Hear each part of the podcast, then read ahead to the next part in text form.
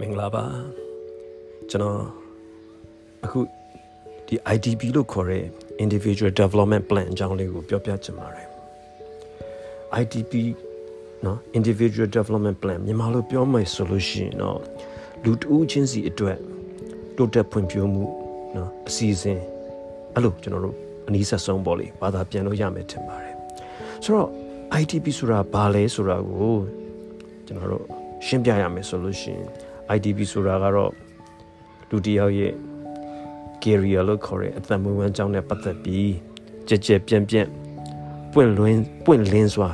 ပြောဆိုဆွေးနွေးကြဖို့အတွက်နော်အသုံးပြုနိုင်တဲ့ communication tool တစ်ခုလို့ကျွန်တော်တို့ပြောလို့ရပါတယ်လိုအပ်တဲ့လုပ်ရည်ကံရည်တွေကိုနော် competency တွေကိုတိုးတက်စေဖို့အတွက်လူတဦးချင်းစီအတွက်တည်တံ့ရေးဆွဲထားတဲ့နော် action plan လှုပ်ဆောင်မှုအစီအစဉ် ဖြစ်ပါတယ်ဝန်ထမ်းရဲ့လက်ရှိရေရှည်လုပ်ငန်းဆိုင်ရာတိုးတက်ဖွံ့ဖြိုးမှုနော်ဖြည့်ဆည်းပေးနိုင်မဲ့ဒီ written plan နော်စာဖြင့်ရေးသားထားသောအစီအစဉ်တစ်ခုလို့လည်းကျွန်တော်တို့ပြောလို့ရနိုင်ပါတယ် manager နဲ့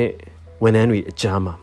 နော်အပြန်အလှန်ထားရှိကြတဲ့ဂတိကဝတ်နော် commitment အဲ့လိုလဲကျွန်တော်တို့ပြောနိုင်ပါတယ်ပြီးတော့လုပ်ငန်းအဖွဲ့အစည်းရဲ့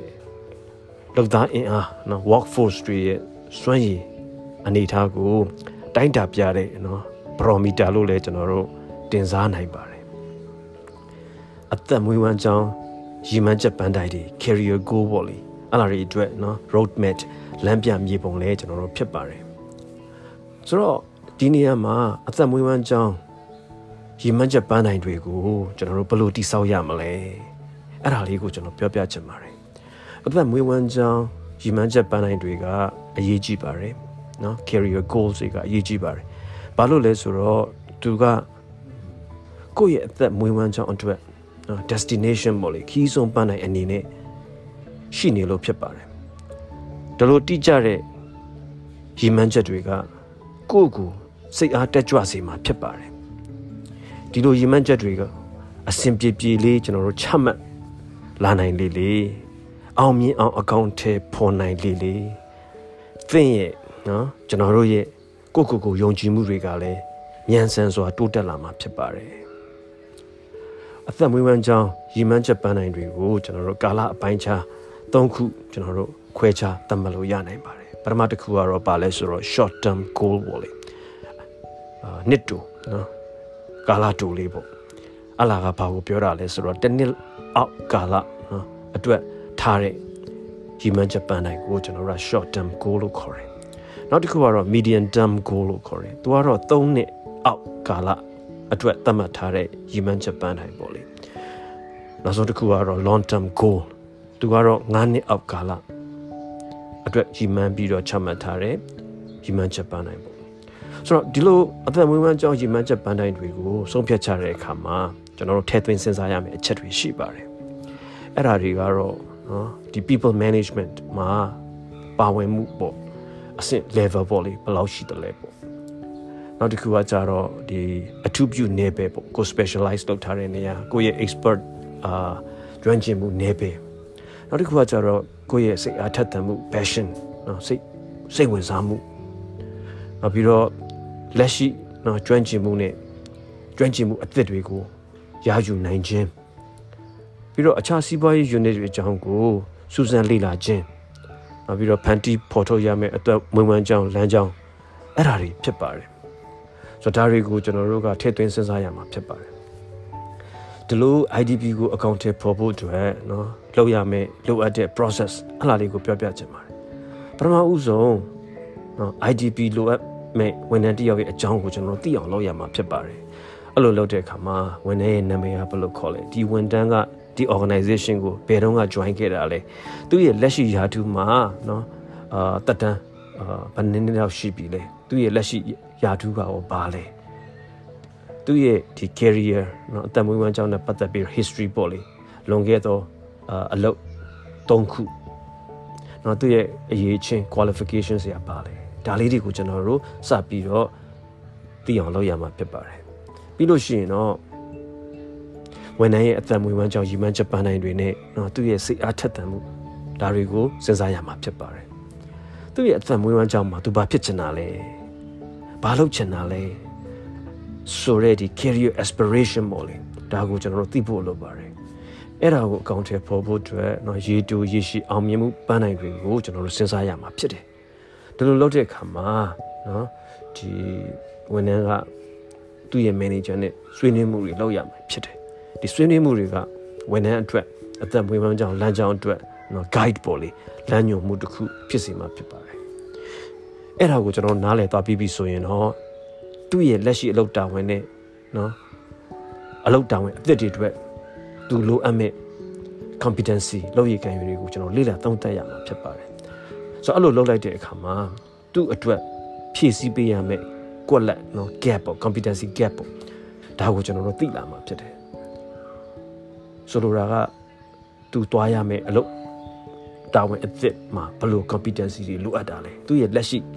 competency ကဘယ်လိုလဲဆိုတော့အဲ့ဒီနှစ်ခုကိုကျွန်တော်တို့ခြားနာကြည့်လိုက်လို့ရှိရင်နော်ကွက်လက်ကိုကျွန်တော်တို့တွေးရမှာဖြစ်တယ်ဆိုတော့ဒီကွက်လက်ကိုကျွန်တော်တို့ဘယ်လိုဖြည့်ကြမလဲဆိုတာကိုကျွန်တော်ဆွေးနွေးရမှာဖြစ်ပါတယ်ဆိုလိုတာကသင်တန်းတွေပေးဖို့လိုတာလား on the job အလုပ်လုပ်ရင်းနဲ့လေ့လာရမှာလားဒါမှမဟုတ်လို့ရှိရင် project assignment တွေမှာပါဝင်ပြီးတော့လေ့လာရမှာလား ဒါမှမဟုတ်လို့ရှိရင်လည်းဒီ mentor တွေနဲ့တွဲပြီးတော့လေ့လာရမှာလားအဲ့လာတွေကိုကျွန်တော်တို့ဆွေးနွေးရမှာဖြစ်ပါတယ်ပြီးလို့ရှိရင်တော့အဲ့ဒီသဘောတူထားတဲ့နီးလန်းနေနဲ့ပတ်သက်ပြီးတော့လက်တွေ့အကောင့်ထဲပေါ်ရမယ်နော် action steps တွေကိုအတိအကျကျွန်တော်ရေးဆွဲသတ်မှတ်ရမှာဖြစ်ပါတယ်ဥပမာတင်နန်းတက်ရမယ်ဆိုရင်ဘယ်တော့တက်မှာလဲဘယ်လိုတင်နန်းအမျိုးအစားလဲနော် project တွေမှာပါဝင်ရမယ်ဆိုရင်ဘယ်လို project မျိုးလဲဘယ်အချိန်မှာပါဝင်ရမှာလဲဘယ်အချိန်မှာပြီးရမှာလဲအလားလေးတွေကိုကျွန်တော်တိတ်တိတ်ချာချာသတ်မှတ်ရမှာဖြစ်ပါတယ် ဆိုတော့ဒီလိုလုပ်တဲ့အခါမှာဒီ individual development plan နဲ့ပတ်သက်ပြီးတော့ IDP နဲ့ပတ်သက်ပြီးတော့တွေးဆုံဆွေးနွေးမှုတွေကိုဝန်ထမ်းနဲ့ manager တွေလှုပ်ဆောင်ရမှာဖြစ်တယ်လှုပ်ဆောင်တဲ့အခါမှာသူတို့ရဲ့အခန်းကဏ္ဍသူတို့ရဲ့ roles တွေရှိလာပါတယ်ပထမဆုံးကျွန်တော်ဝန်ထမ်းရဲ့အခန်းကဏ္ဍကိုကျွန်တော်ပြောပြချင်ပါတယ်ဝန်ထမ်းရဲ့ပထမဆုံးအခန်းကဏ္ဍကတော့ဘာလဲဆိုတော့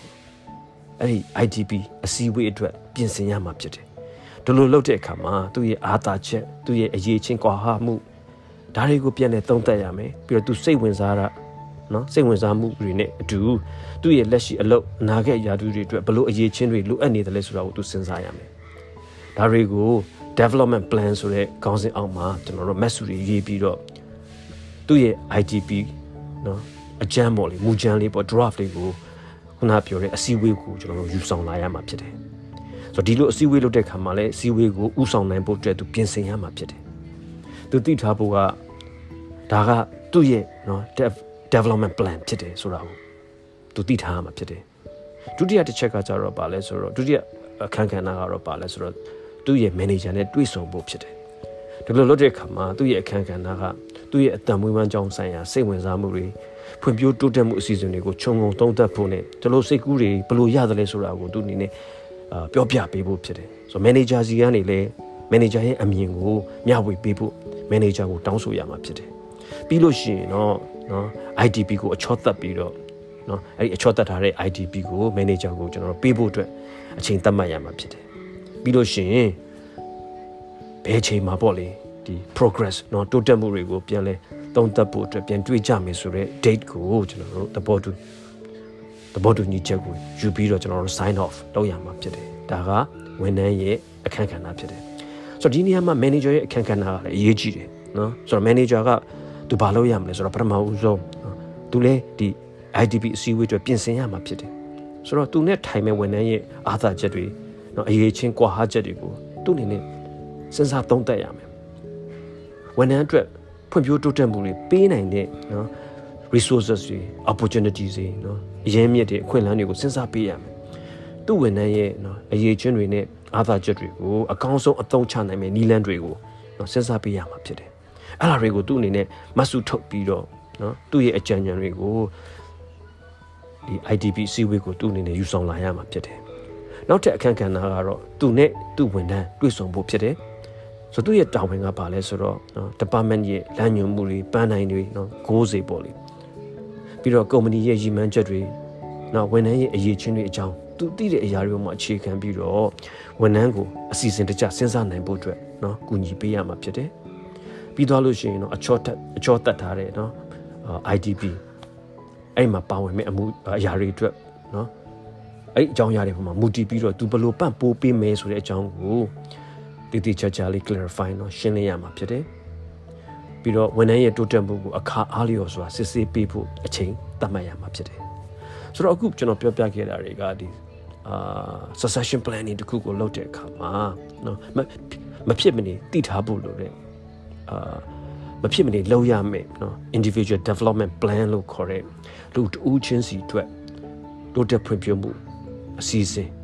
individual development plan အတူဆိုရင်တော့ IDP ပေါ့လေအဲ့ဒီအကြောင်းကိုကျွန်တော်ပြောပြခဲ့တာဖြစ်ပါတယ်နော်ကျေးဇူးအများကြီးတင်ပါတယ်